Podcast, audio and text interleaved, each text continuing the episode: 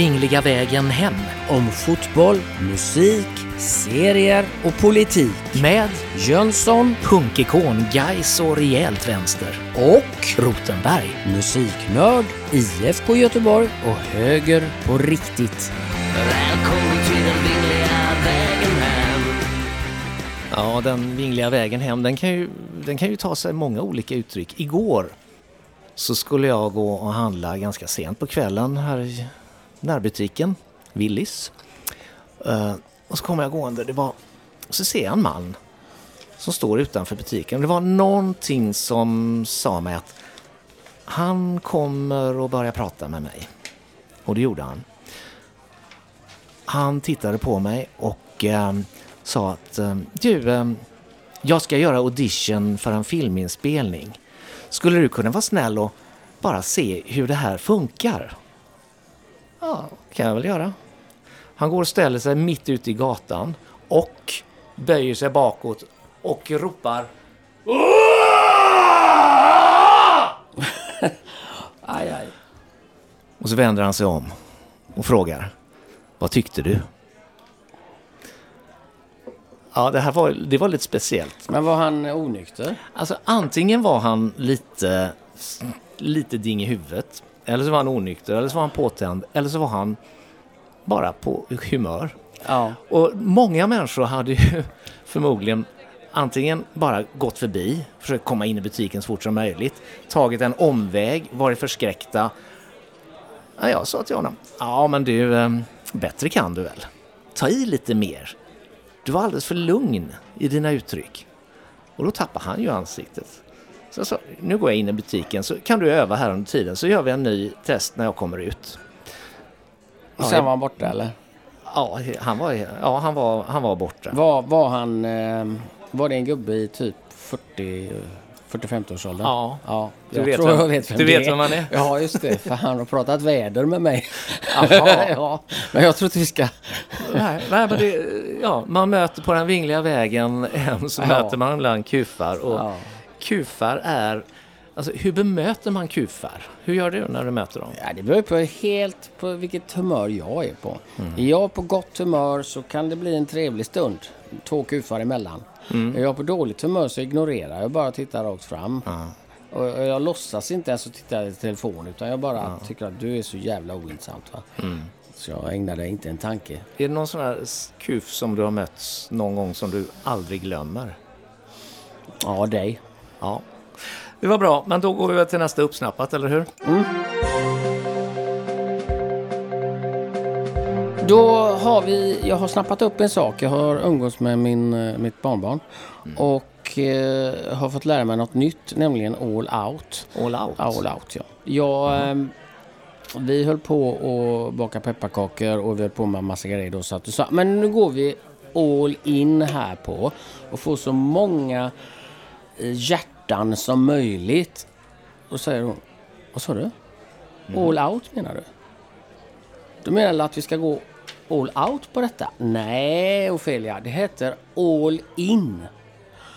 Men eh, hon vidhöll detta och sen var det ju lite andra gäster där på den här eh, jultillställningen och de sa, nej men eh, Mats, det, det, man säger så nu, all out. Så jag kollade ju upp detta och sådär och eh, jag märker att hälften säger fortfarande all in, eh, eller om du googlar. Och, och de jag pratar med i min ålder säger all in. Men hälften säger faktiskt att, att när, när du ska in och, och, och kämpa här nu på fotbollen så ska du gå all out. Ja, och jag förstår inte var det kommer ifrån eller varför det har blivit så. Kan det vara någonting med eh, engelska Ja, ja. eller något? Jag vet inte, jag, jag har aldrig hört all out eh, förrän du säger det nu. Man, man går all in, man går in för någonting och man går. Mm. fullständigt in för. Går man fullständigt ut ifrån någonting? För mig låter det väldigt ologiskt. Men det är mycket man möter i världen som är ologiskt. Ja, men jag har sett på reklampelare och sånt att nu går vi all out.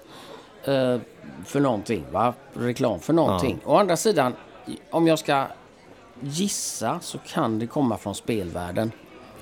Att du ska, du, du ska gå massa olika nivåer och sen så ska du gå out. Du ska gå all out. Det kan vara det alltså. Jag vet inte. Nej. Har du, har du googlat på det här? Ja, jag gjorde ju det. Och då var det ju så att det var...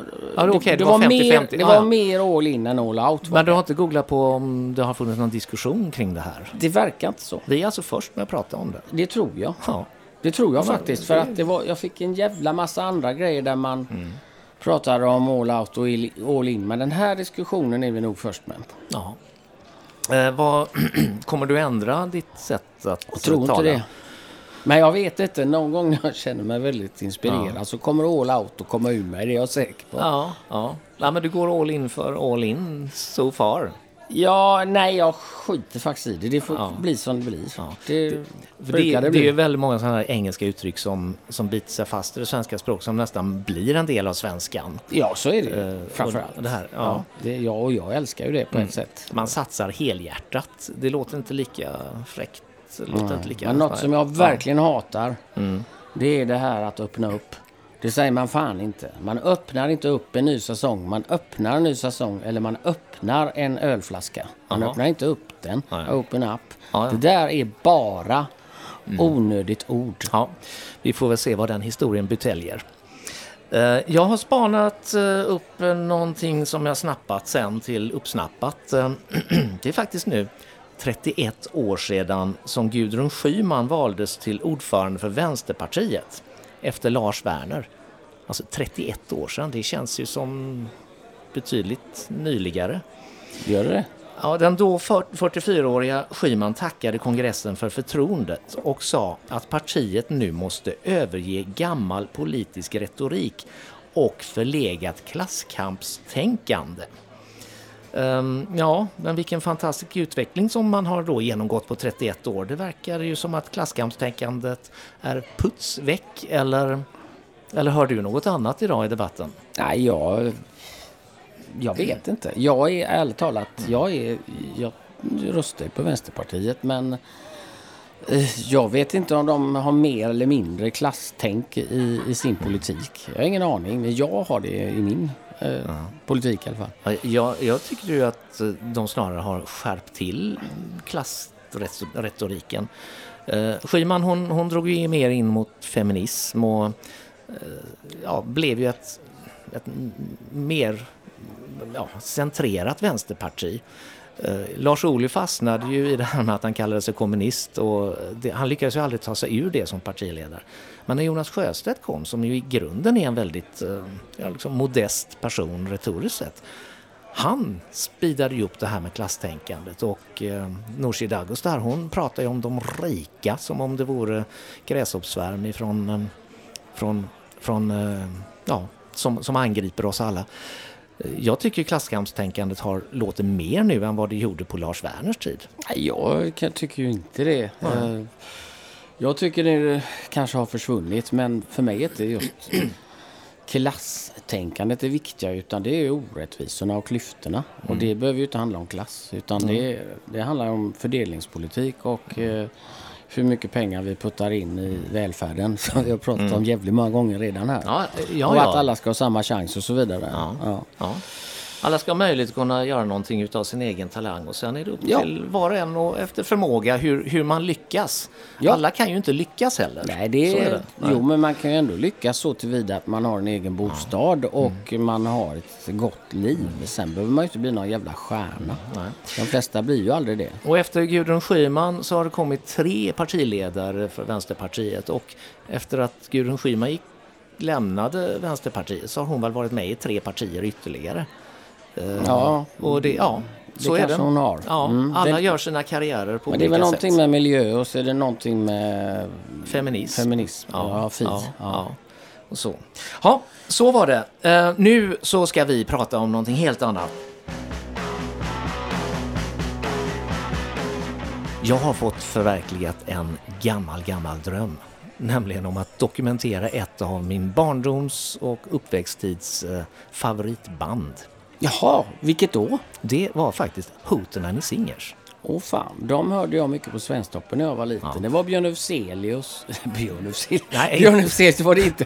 Björn Ulvaeus var det. Ja, det är den gubben jag kan där. Men Ja, det var en ja. check, glad eh, landsbygdsmusik. Fa- Faktum är att uh, Hootenanny Singers eh, hade 41 låtar på Svensktoppen under en tioårsperiod.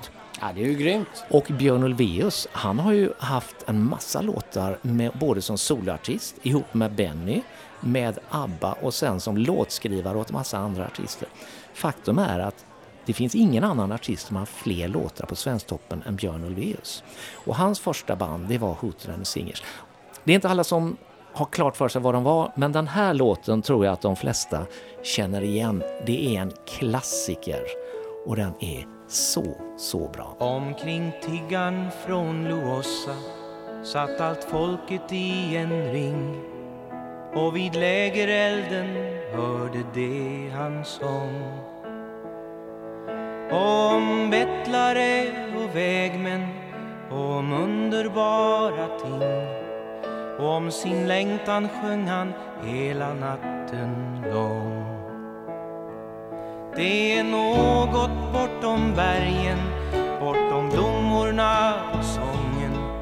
Det är något bakom stjärnan, bakom heta hjärtat mitt. Hör en något går och viskar, går och lockar mig och beder. Kom till oss ty denna jorden, den är icke riket. Jag har lyssnat till det stillsamma böljeslag mot strand. Om de vilda havens vila har jag drömt. Och i anden har jag ilat mot det formlösa land Där det käraste vi känner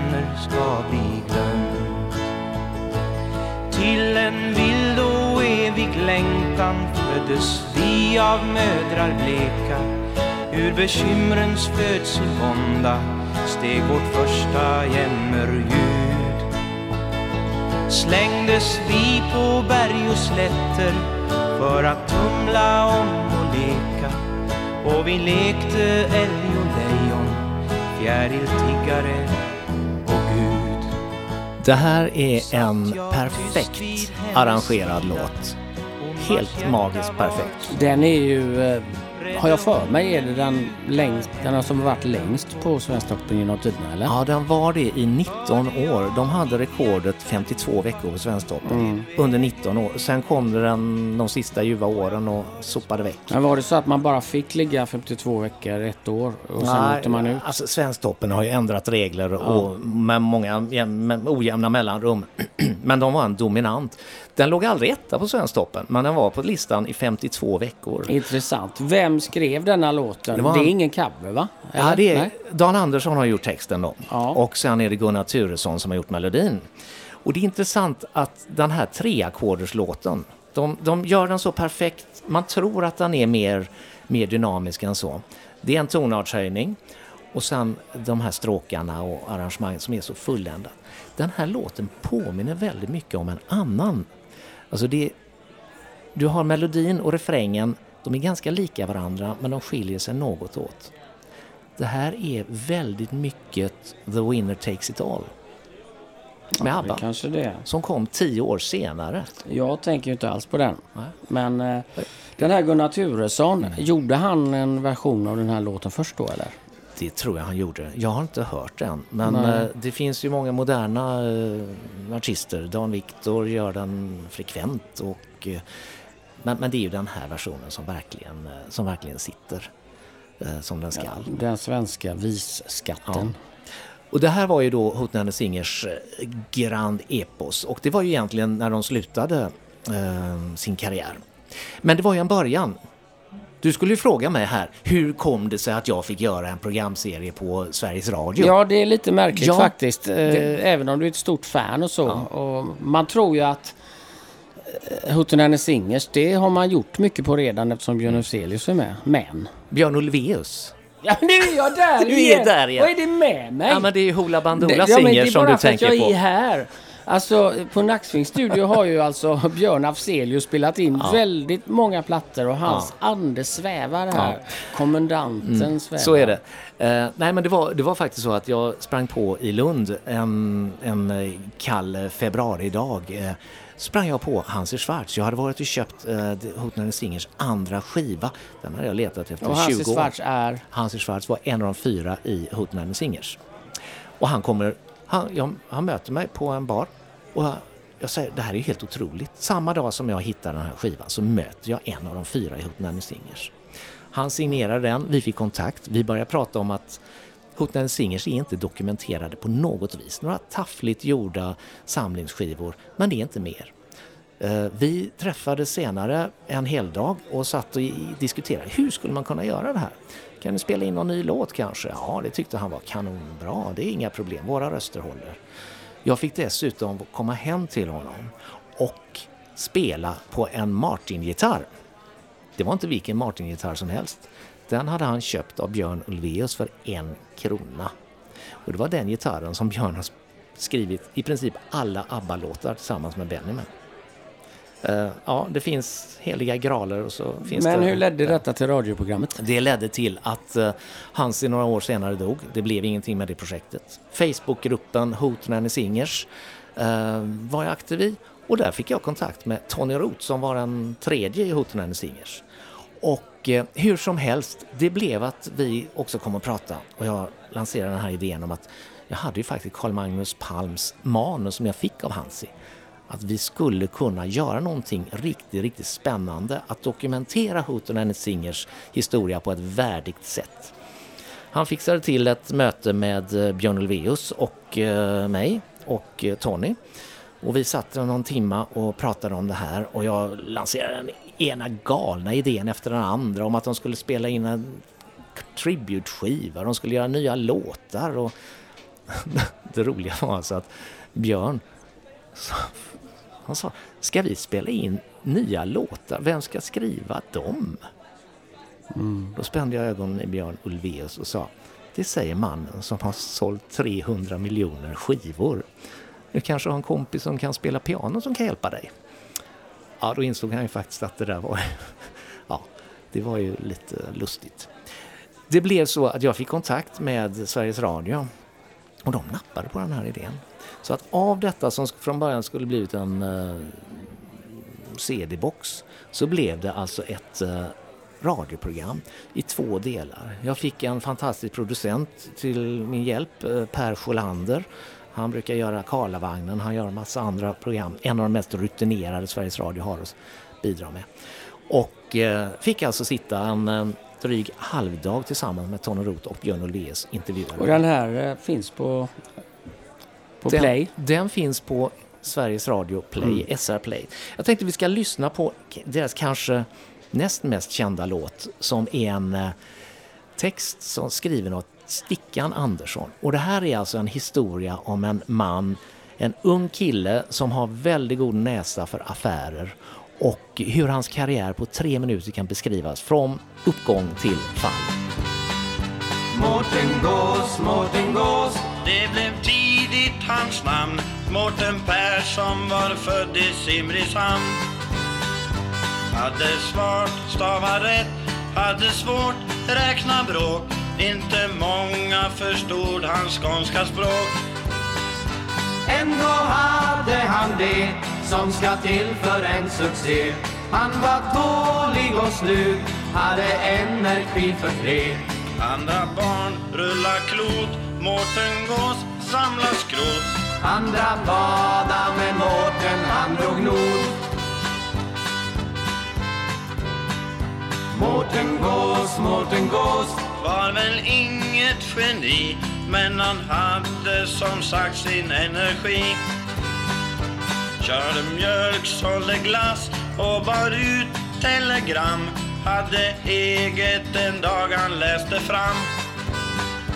Gjorde pengar på allt. Sålde korv när det var kallt. Köpte strandtomt och byggde en damm och gjorde salt. Överallt var han med och vid fylla 23 Var han redan en miljonär in spe Mårten Gås, Mårten Gås. Köpte skogar på rot för de pengar han tjänade på skrot. Gjorde möbler och hus, byggde massa fabrik. Kladdimkåda blev utmärkt kosmetik. Ja, hans plånbok blev sin, inte någonting blev svinn. För av bark och av barr blev det ättika och gin. Och han gifte sig rik, men så snart som det var vikt Dog hans hustru av något arsenik.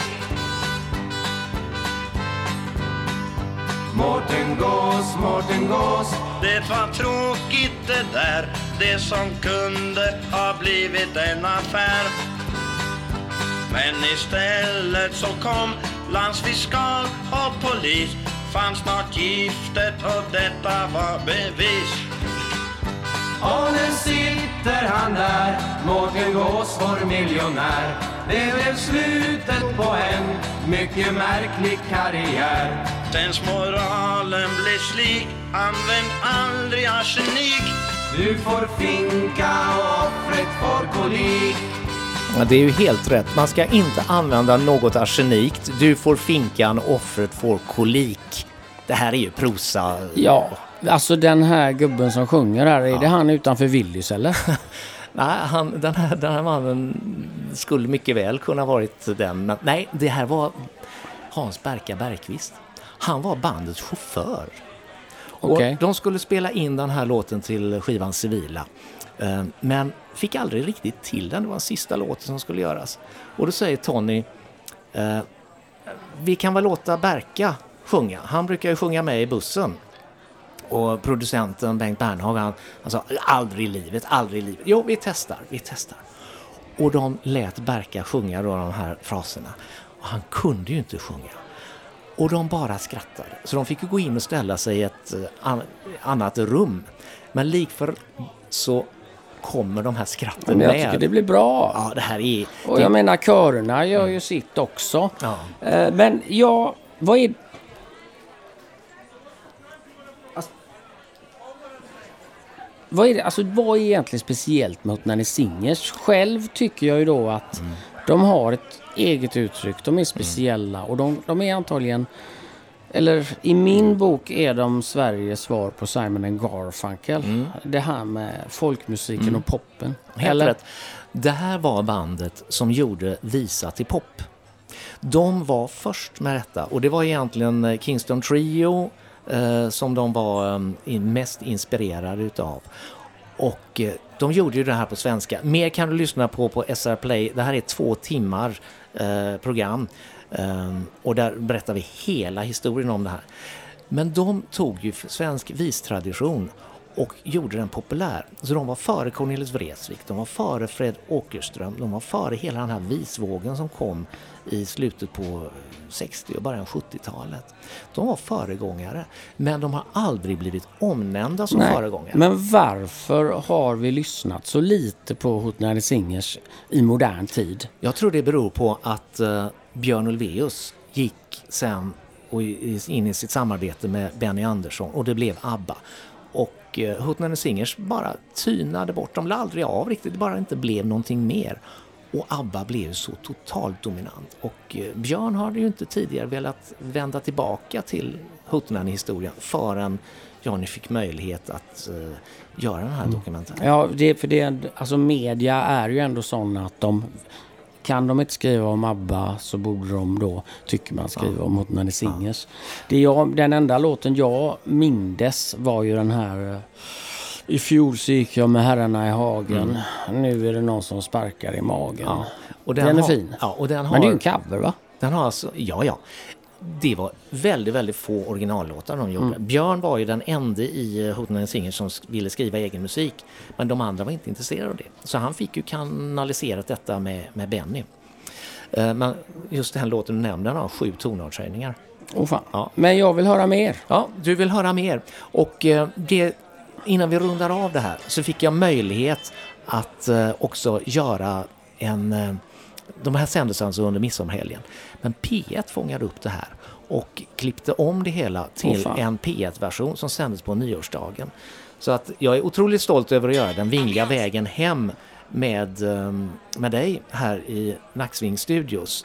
Eh, Men att få de tre bästa sändningstiderna på hela året för att göra en dokumentär om eh, mitt barndoms favoritband, det var riktigt stort. Och eh, det blev väl bra att avrunda med det som faktiskt blev slutet, nämligen början till slutet. Som en storm kom du in i mitt hjärta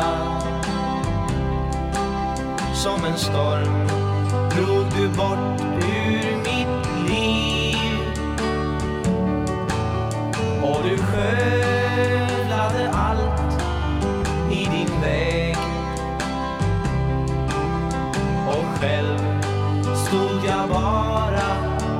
massiv Lät det ske och drogs med i din häxdans Vi gav dig allt, mitt hjärta och jag. Du dansade med oss en sommar. Tills vi inte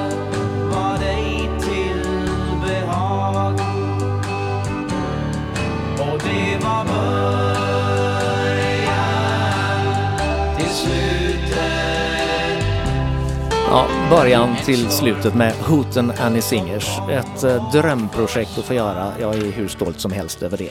Nu ska vi tala om eh, den totala förvirringen. Är du förvirrad? Ja, jag är extremt förvirrad. för Du hade, ser förvirrad ut. Jag hade ju antecknat Ja. så fint här Ja. om, om det här kaoset. Men nu tycker jag vi gör som så att vi, vi sätter på den här gingen så kan du samla dig under tiden. så gör vi. Ja.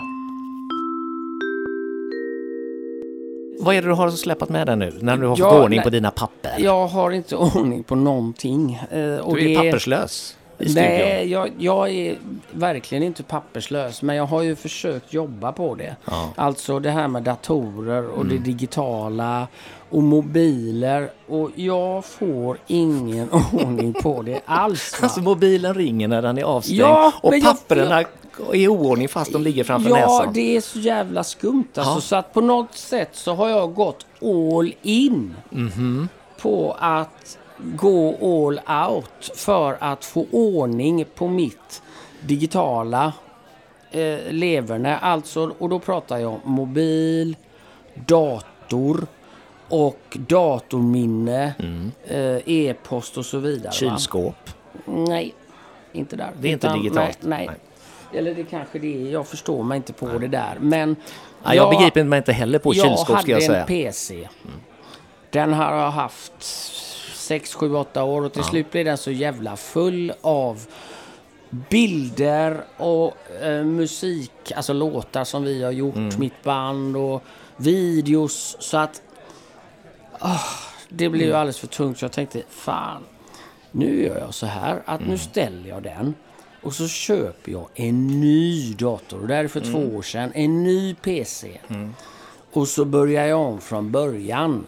Så lyfter jag bara över det jag vill ha och så lägger jag det i mappar och så. Men det gick ju inte så jävla bra va. För att det är ju hela tiden det här med att det finns något som heter eh, OneDrive. Som sparar i molnet. och sen har du också de fotona som ligger i mobilen. Och på något sätt åker de in automatiskt va. Och så tänkte jag nu ska jag vara säker så jag, jag köpte ett, eh, ett Extra hårddisk, fysiskt? Ja. minne. Alltså en extra hårddisk och så la jag allt där också. Va? Eh, och så började jag den här överföringen men det gick ju snett. Va? Tror För du att du är ensam om den här processen, Nej. att ha upplevt detta? Jag tror inte det men ingen kan vara så drabbad som jag är. Delad ångest är dubbel ångest, det vet du. Men jag, alltså, för det första då så börjar ju mejlen löjla sig. Jag hade bara, förut hade jag en inkorg och så hade jag de senaste mejlen längst upp. Det var jätteenkelt. ja. Men nu, nu ska den ha det i, alltså det är en inkorg för Exchange, för Google, för eh, viktiga mejl. Alltså alla mejl är viktiga enligt min eh, webbläsare. Och, och eh, sen har de ett arkiv också där allting också ligger. Helt jävla... Alltså det är helt sjukt. Eh, och, och eh, inte nog med det, utan när jag öppnar den här nya datorn. Då, jag vill ju ha, jag söker i Google. Eh, I Google Chrome så, sö- och så, så har jag sökmotor Google då. Och jag vill liksom ha en startsida där jag bara har den söksidan. Jag vill inte bli förvirrad av en massa grejer. Men för det första så fick jag inte ha standardwebbläsare. Google Chrome, utan de skulle ha den här Microsoft Edge hela tiden. Men jag tog bort den Oj, som standardwebbläsare. Och, men den kom in ändå, så det gick liksom inte att stänga av den. Och sen när den öppnar då automatiskt i Microsoft Edge så har de också deras jävla nyheter där. Alltså typ... eh, Eh, åh, eh, världens vackraste berg eller en fantastisk värld under ytan. Eller så får man ansiktet Putin förhandla med Kina. Jag vill inte ha det. Nej, Nej men vem vill väl att Putin ska förhandla med Kina? Nej. Och, och, och, och i detta läget då, då har jag ju alla mina filer på många fler ställen nu än vad jag hade innan. Känner du dig lugnare? Nej, utan till saken hör att den här bör också bli fylld. Efter ett år bara. Och då tänker jag, nej, inte längre. Så jag ringer en kompis och så säger han, och så berättar jag för honom. Ja men se här, nu får jag ett meddelande. Nu, nu har du haft 67 eh, angrepp på din dator. Så ehm, om du vill att det inte ska hända igen så ladda ner det här och så kan vi liksom ta väck det. Eh, och, och, och hur ska jag göra? Per Dahlberg heter min kompis. Va, eh, kan du hjälpa mig? Ja, så, så tar jag Teamviewer då. Så att han hoppar in i min dator och försöker hjälpa mig. Men Jönsson, jag, jag fattar inte PC. Du, du måste köpa en Mac. Okej. Och detta är... Säg inte att du köper en Jag köper tredje en. Mac då. Jag köper en tredje, en Mac. Och, och då visar det sig att då gör jag ju samma taktik igen. Här har jag Men två herregud. stycken datorer på, på skrivbordet. Och så har jag en tredje Mac. Och så börjar jag lägga över grejer. Och då börjar ju Per snacka om Google Drive och Google Fotos. Och, Ja. och så, ja men den här webbläsaren ja. ska du ha. Och, och då vill han ju inte att jag ska ha i webb, alltså nej, i, i, i, i um, mailprogrammet. Utan att han vill att jag ska ta mail i webbläsaren. Så att för att göra en lång historia kort. Ja, den är eh, Så lång. nu har, jag, nu har jag lagt upp det i de här Google-ställena. Så nu har jag fem, sex varianter av allting. Och jag får bara mer kaos och mer mappar. Vet du vad jag på tycker det här låter som? Mig. Det här låter ju som, som en kompis faster som jag hörde berättas om. När dammsugarpåsen var full, så istället för att gå och tömma påsen och byta till en ny, så köpte hon en ny dammsugare. Mm. Nu är du inne på din tredje dammsugare. Du har inte funderat på att hitta något sätt att tanka av dina datorer? Jo, men det är ju det jag försöker med. Ja. Med det här. Mm. Men det är det att det, det, ja, men det, då, då säkerhetskopierar vi det Mm. för, för säkerhets skull, säger Per. Men har, vad, vad är, har du kommit fram till någonting? Ska du sluta med datorer eller har du hittat i- på- eh, jag- jag- pärleporten nu? Jag går all out på att eh, faktiskt följa Pers råd. Mm. Även om det betyder att jag nu mer har liksom kanske 150 000 filer och filmer och grejer istället för jag hade 30 000 Mm. från början. Och tre datorer. Och tre datorer. Men sen så ska vi då... Och, och, och ett minne också då. Mm. Men på något sätt så tänker jag att om man får ut all skit på ett ställe, sen kan jag börja rensa. Mm. Men när vi står här om ett år, då kanske jag köpt en fjärde. Ja. Men vad är, mm, om, hur skulle du vilja att framtiden ser ut med den här utvecklingen? Att jag får ordning på det. Ja. Att, jag- att jag kan veta att jag har attentat där och jag har den vingliga vägen hem där och jag har seriehörnan där. Jag har familjen där. Ja. Vad Men behöver det du mer? funkar inte så nu. Det är de fyra Jo, beståndsdelarna jo som är alltså viktiga. det, så ska jag, jag, jag tillbringar 60-70 procent av min tid vid en dator tillbringar jag med att leta efter saker. Istället för att vara kreativ. Vad jag har funderat över det är ju om det här molnet Ja. Och hela internet, om det släcks ner. Det räcker med att det släcks ner under en eller två dagar. Vi är ju totalt lost. Ingenting kommer att fungera. All, hela vår tillvaro är eh, eh, totalt Det är digitaliserad. därför jag inte riktigt litar på det. Det är därför jag vill ha det, det där minnet. Och den enda som kommer att klara sig, det är Karl. Karl som kommer in i vår butik Seriehörnan. Ja, just det! Han- ja, den gubben! Han har ingen dator. Och jag frågade honom, han kom in och skulle han ringa en annan kollega. eller han skulle ha kontakt med en annan kollega, sa ah, men du, kan få, du kan få hennes nummer här. "Eh, jag telefonerar inte, säger Karl. Nej, du telefonerar inte. Nej, och han har ingen klocka heller. och jag har inte telefonerat sedan 1993. Alltså den mannen, han, han är ju mänsklighetens skorpion. Han kommer att överleva ett kärnvapenkrig. Det, ja, det roliga är ju att han inte vet eh, vilken tid det är på dygnet, vilken Nej. dag det är och sånt. Nej, och han nej, kan ju liksom knacka på vilken dag och vilken tid som helst. Ja, ja, så är det. Men det finns ju sådana människor. Ja, det ja. finns ju ett par till. Han skulle klara sig, men han skulle inte märka förmodligen att internet går ner eller någonting. Och, och så. Men ja, nej, men det här var ju en väldigt fin berättelse du hade idag. Nej, men vad, vad, jag menar, jag tänker så här att det måste ju vara... Mm.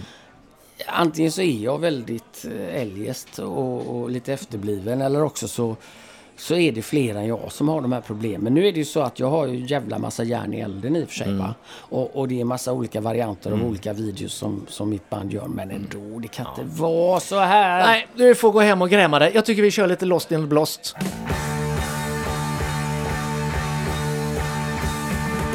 Ja, och då är dagens Lost in the Blost som jag har tagit med mig. Eh, Freddy... Nej, det är inte Freddy Wadling. Det är inte Freddy Wadling. Vi har pratat väldigt mycket om honom. Men det här är Ja, en väl. eh, låt eh, med en finsk grupp. Som heter, gruppen heter Wigwam och låten heter Freddy Are You Ready?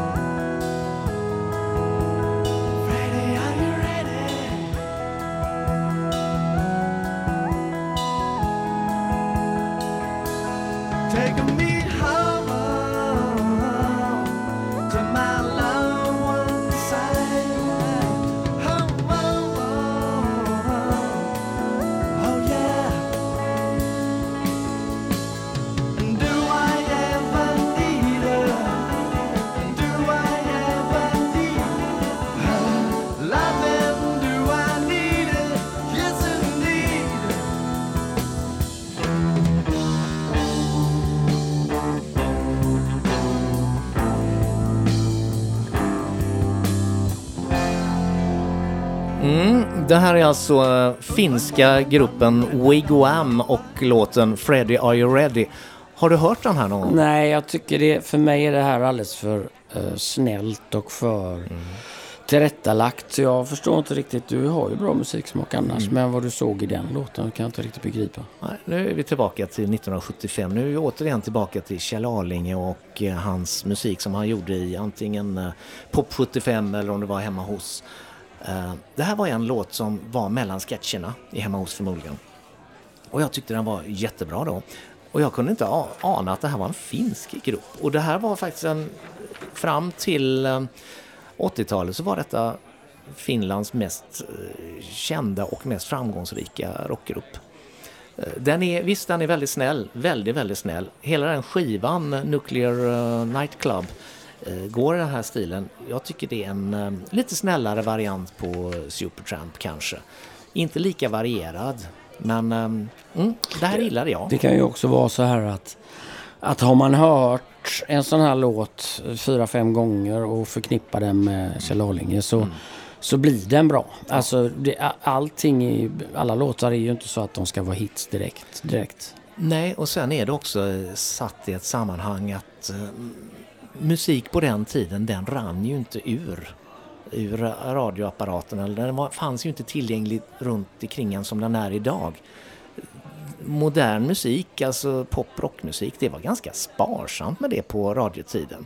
Alltså programtablåerna från En Melodiradion. halvtimme i veckan. Ja, på En timme i 80-talet. Det, det var ju dragspel blandat med Lill Lindfors och sen kom kanske någon, som de kallar det, lite rockgrupper från Amerika. Så att, nej, den här satt. Jag tycker Wigwam i alla fall var ett fantastiskt bra band.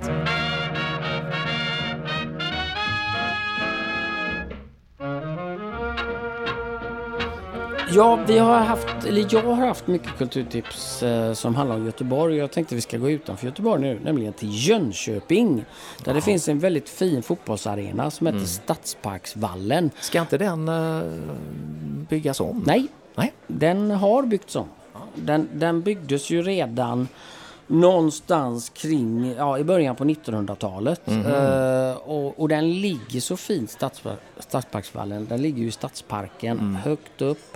Det är mycket liksom ängar och träd och man ser också ner till Vänern eller Vättern eller vad fan det är som ligger ja. där nere. Ja, det är Vättern som ligger och, och läktarna sen den är ombyggd är för 7300 pers. De är precis, det är lagom stort eh, tycker jag. Mm. Tyvärr har ju, tyvärr, det är gott åt dem men Jönköping har ju åkt ner i division 1 nu. Men det är ju synd på en sån fin arena för jag tyckte de hade gjort så här lagom moderniserat också. På Jönköping, läktarna. Jönköping var ju i Allsvenskan Ja, nyligen. Det var nyligen ja. Men det finns ju andra lag som har varit ner och vänt i division 1. Ja, det gör ju det. Och, och de kommer kanske tillbaka. Men jag, jag gillar utrymmena runt omkring också. Att, att det finns plats för, för umgänge. Och när jag ändå är i Jönköping så vill jag ta en arena till som jag tycker ni ska besöka någon gång. Det är Vapenvallen. Den har jag aldrig hört talas om. Nej, det är Husqvarnas hemmaplan. Och den är byggd 1912 tror jag. Och den ligger... Det är mycket träd runt omkring så som jag minns det. Men det som är speciellt med Vapenvallen det är att det är en slänt som är... Alltså det är säkert 50 meter som sluttar ner ungefär som en läktare. Och inte på kortsidan som i Norrköping utan på långsidan. Och, och jag tror att de hade lite läktare längst in men sen satt folk på den slänten och kollade. Jag var i, det var 15-20 år sedan jag var där och kollade Det är på lite grann som. Slottsskogsvallen som har den här Snikens kulle. Ja, men här var det ju rätt på. Det ingick i arenan så att säga. Eh, så att eh, om ni som tycker om fotboll och älskar fotbollsarenor. De här två är fina och inte alls så som många andra i den här moderna världen. Nej. Stadsparksvallen, och Vapenvallen. Eh, Jag har hittat någonting återigen på SVT Play. Det jag tittar inte så mycket på, på vanlig eh, andra program och Nej, andra play kanaler. är gedigen Ja, klass. Då kan man också leta upp sånt som, som har substans. Den här gången är det en eh, program, ett program, en dokumentär om Carl Larsson. Den var i flera delar. Carl Larsson känner ju alla till. Och det var de här målningarna han gjorde från sitt hem. Och eh, jag tycker det var ganska intressant. De har fokuserat lika mycket på Carl Larssons fru Karin som på Carl. Eh, det var ju hon som inredde hemmen och eh, skapade miljöerna som Carl sen av avbildade. Då pratar vi, ja den här Carl var ju faktiskt också, han levde ju utanför det digitala samhället. Han Ja. hade varken mobiltelefon eller inte ens televisionsapparat. Men han visste vad klockan var i alla fall. Eh, Det här är en fantastiskt bra eh, programserie som SVT har gjort. Och eh, han var ju nästan mer tecknare än målare. För alla hans eh, målningar och alla figurer, de har konturer. Och det är inte många målare som använder konturer i sin tecknarstil. Det sista han gjorde det var ju den här fantastiska installationen eh, till entrén på Nationalmuseum som också blev hans sista stora verk. Han blev väldigt besviken över att de inte ville ha, ha den till slut. Så det dröjde ut fram till, jag tror det var 1999 eller 2009 som den kom in. När gjorde han den då? Det här var dog ju, han? eh, han dog ju runt eh, 1907. Så det här var ju strax innan. Så det är, det är ju länge sedan och han blev väldigt bitter och sen blev han sjuk och så dog han. Men titta på den här på SVT Play. Det, blir, Men- det är mycket mer relevant att se den än att höra hur jag refererar till Är den. det han, eh, är det han Frösö-Frasse? Är han, var det för Östersund? Eller är jag helt väck nu? Carl Larsson? Carl Larsson? Nej, han var inte från Östersund. Nej, var var han ifrån då? Han var, han var, Du ser, jag kan ingenting om nej, sånt. men han var, han var faktiskt eh, upplärd och här i Göteborg. Han gick ju på Valands konsthögskola och var en av fyrsten, Pontus Fürstenbergs eh, adepter. Så han blev ju ekonomiskt sponsrad av Fürstenberg och eh, tillsammans med eh, många andra kända svenska eh, konstnärer på den tiden. Så eh, han hade ju ett antal år här. Men sen bodde han runt i Stockholm och eh, sen kom han ju då till sitt, eh, sitt, sin slutdestination på en ort som, ja, den får ni höra och se mer om i den här dokumentären. Ja, Ja. Du, det var väldigt vad det här vinglade idag. Ja, det ringlade mer Vad- än någonsin. jag, men men jag, jag kan inte släppa det här eh, riktigt att du och dina datorer, du får väl får du inte erbjudanden ibland om att eh, du kan betala en slant så slipper du de här problemen. Nej, eller ja, det får jag ju hela tiden. Ja, Men det som stör mig mest är ju att ja, jag har betalat för Microsoft 365 Family, 1200 kronor per år. Och då tänker jag ju då att japp, då har jag de här programmen och det är det och det och så tänker jag att då kan jag få en service. Mm. Ungefär, Ja, ungefär som den här sicilianska affärsmetoden att eh, mm, om precis. du, eh, det kostar inte så mycket för att den här datorn inte ska gå sönder. ja. Men jag får inte ens ringa dem. Nej. Nej. Har du jag- försökt att ringa till maffian någon gång? Då? Nej, men och så, så försöker jag då. eh, ja, men du kan få prata med våran AI. Och då är det någon jävla idiot då som, som inte kan svara på någonting. Så att det sjuka är att i hela den digitala världen så får du alltså inte prata med dem. Du får inte ens, du får inte ens chatta med dem oftast i realtid. Nej. Nej, jag är, Ja. jag är förtvivlad. Så är det. Eh, Jag tar med mig i alla fall från den här dagen frasen så sa, ja han gifte sig rikt men så snart det var vikt så dog hon av något arsenikt. Nu tar jag den vingliga vägen ut ur den här studion, går ner till Willys och ser om mannen står där borta och är redo för en ny audition. Och möjligen får vi se en ny föreställning där han lyfter armarna mot skyn och skaldar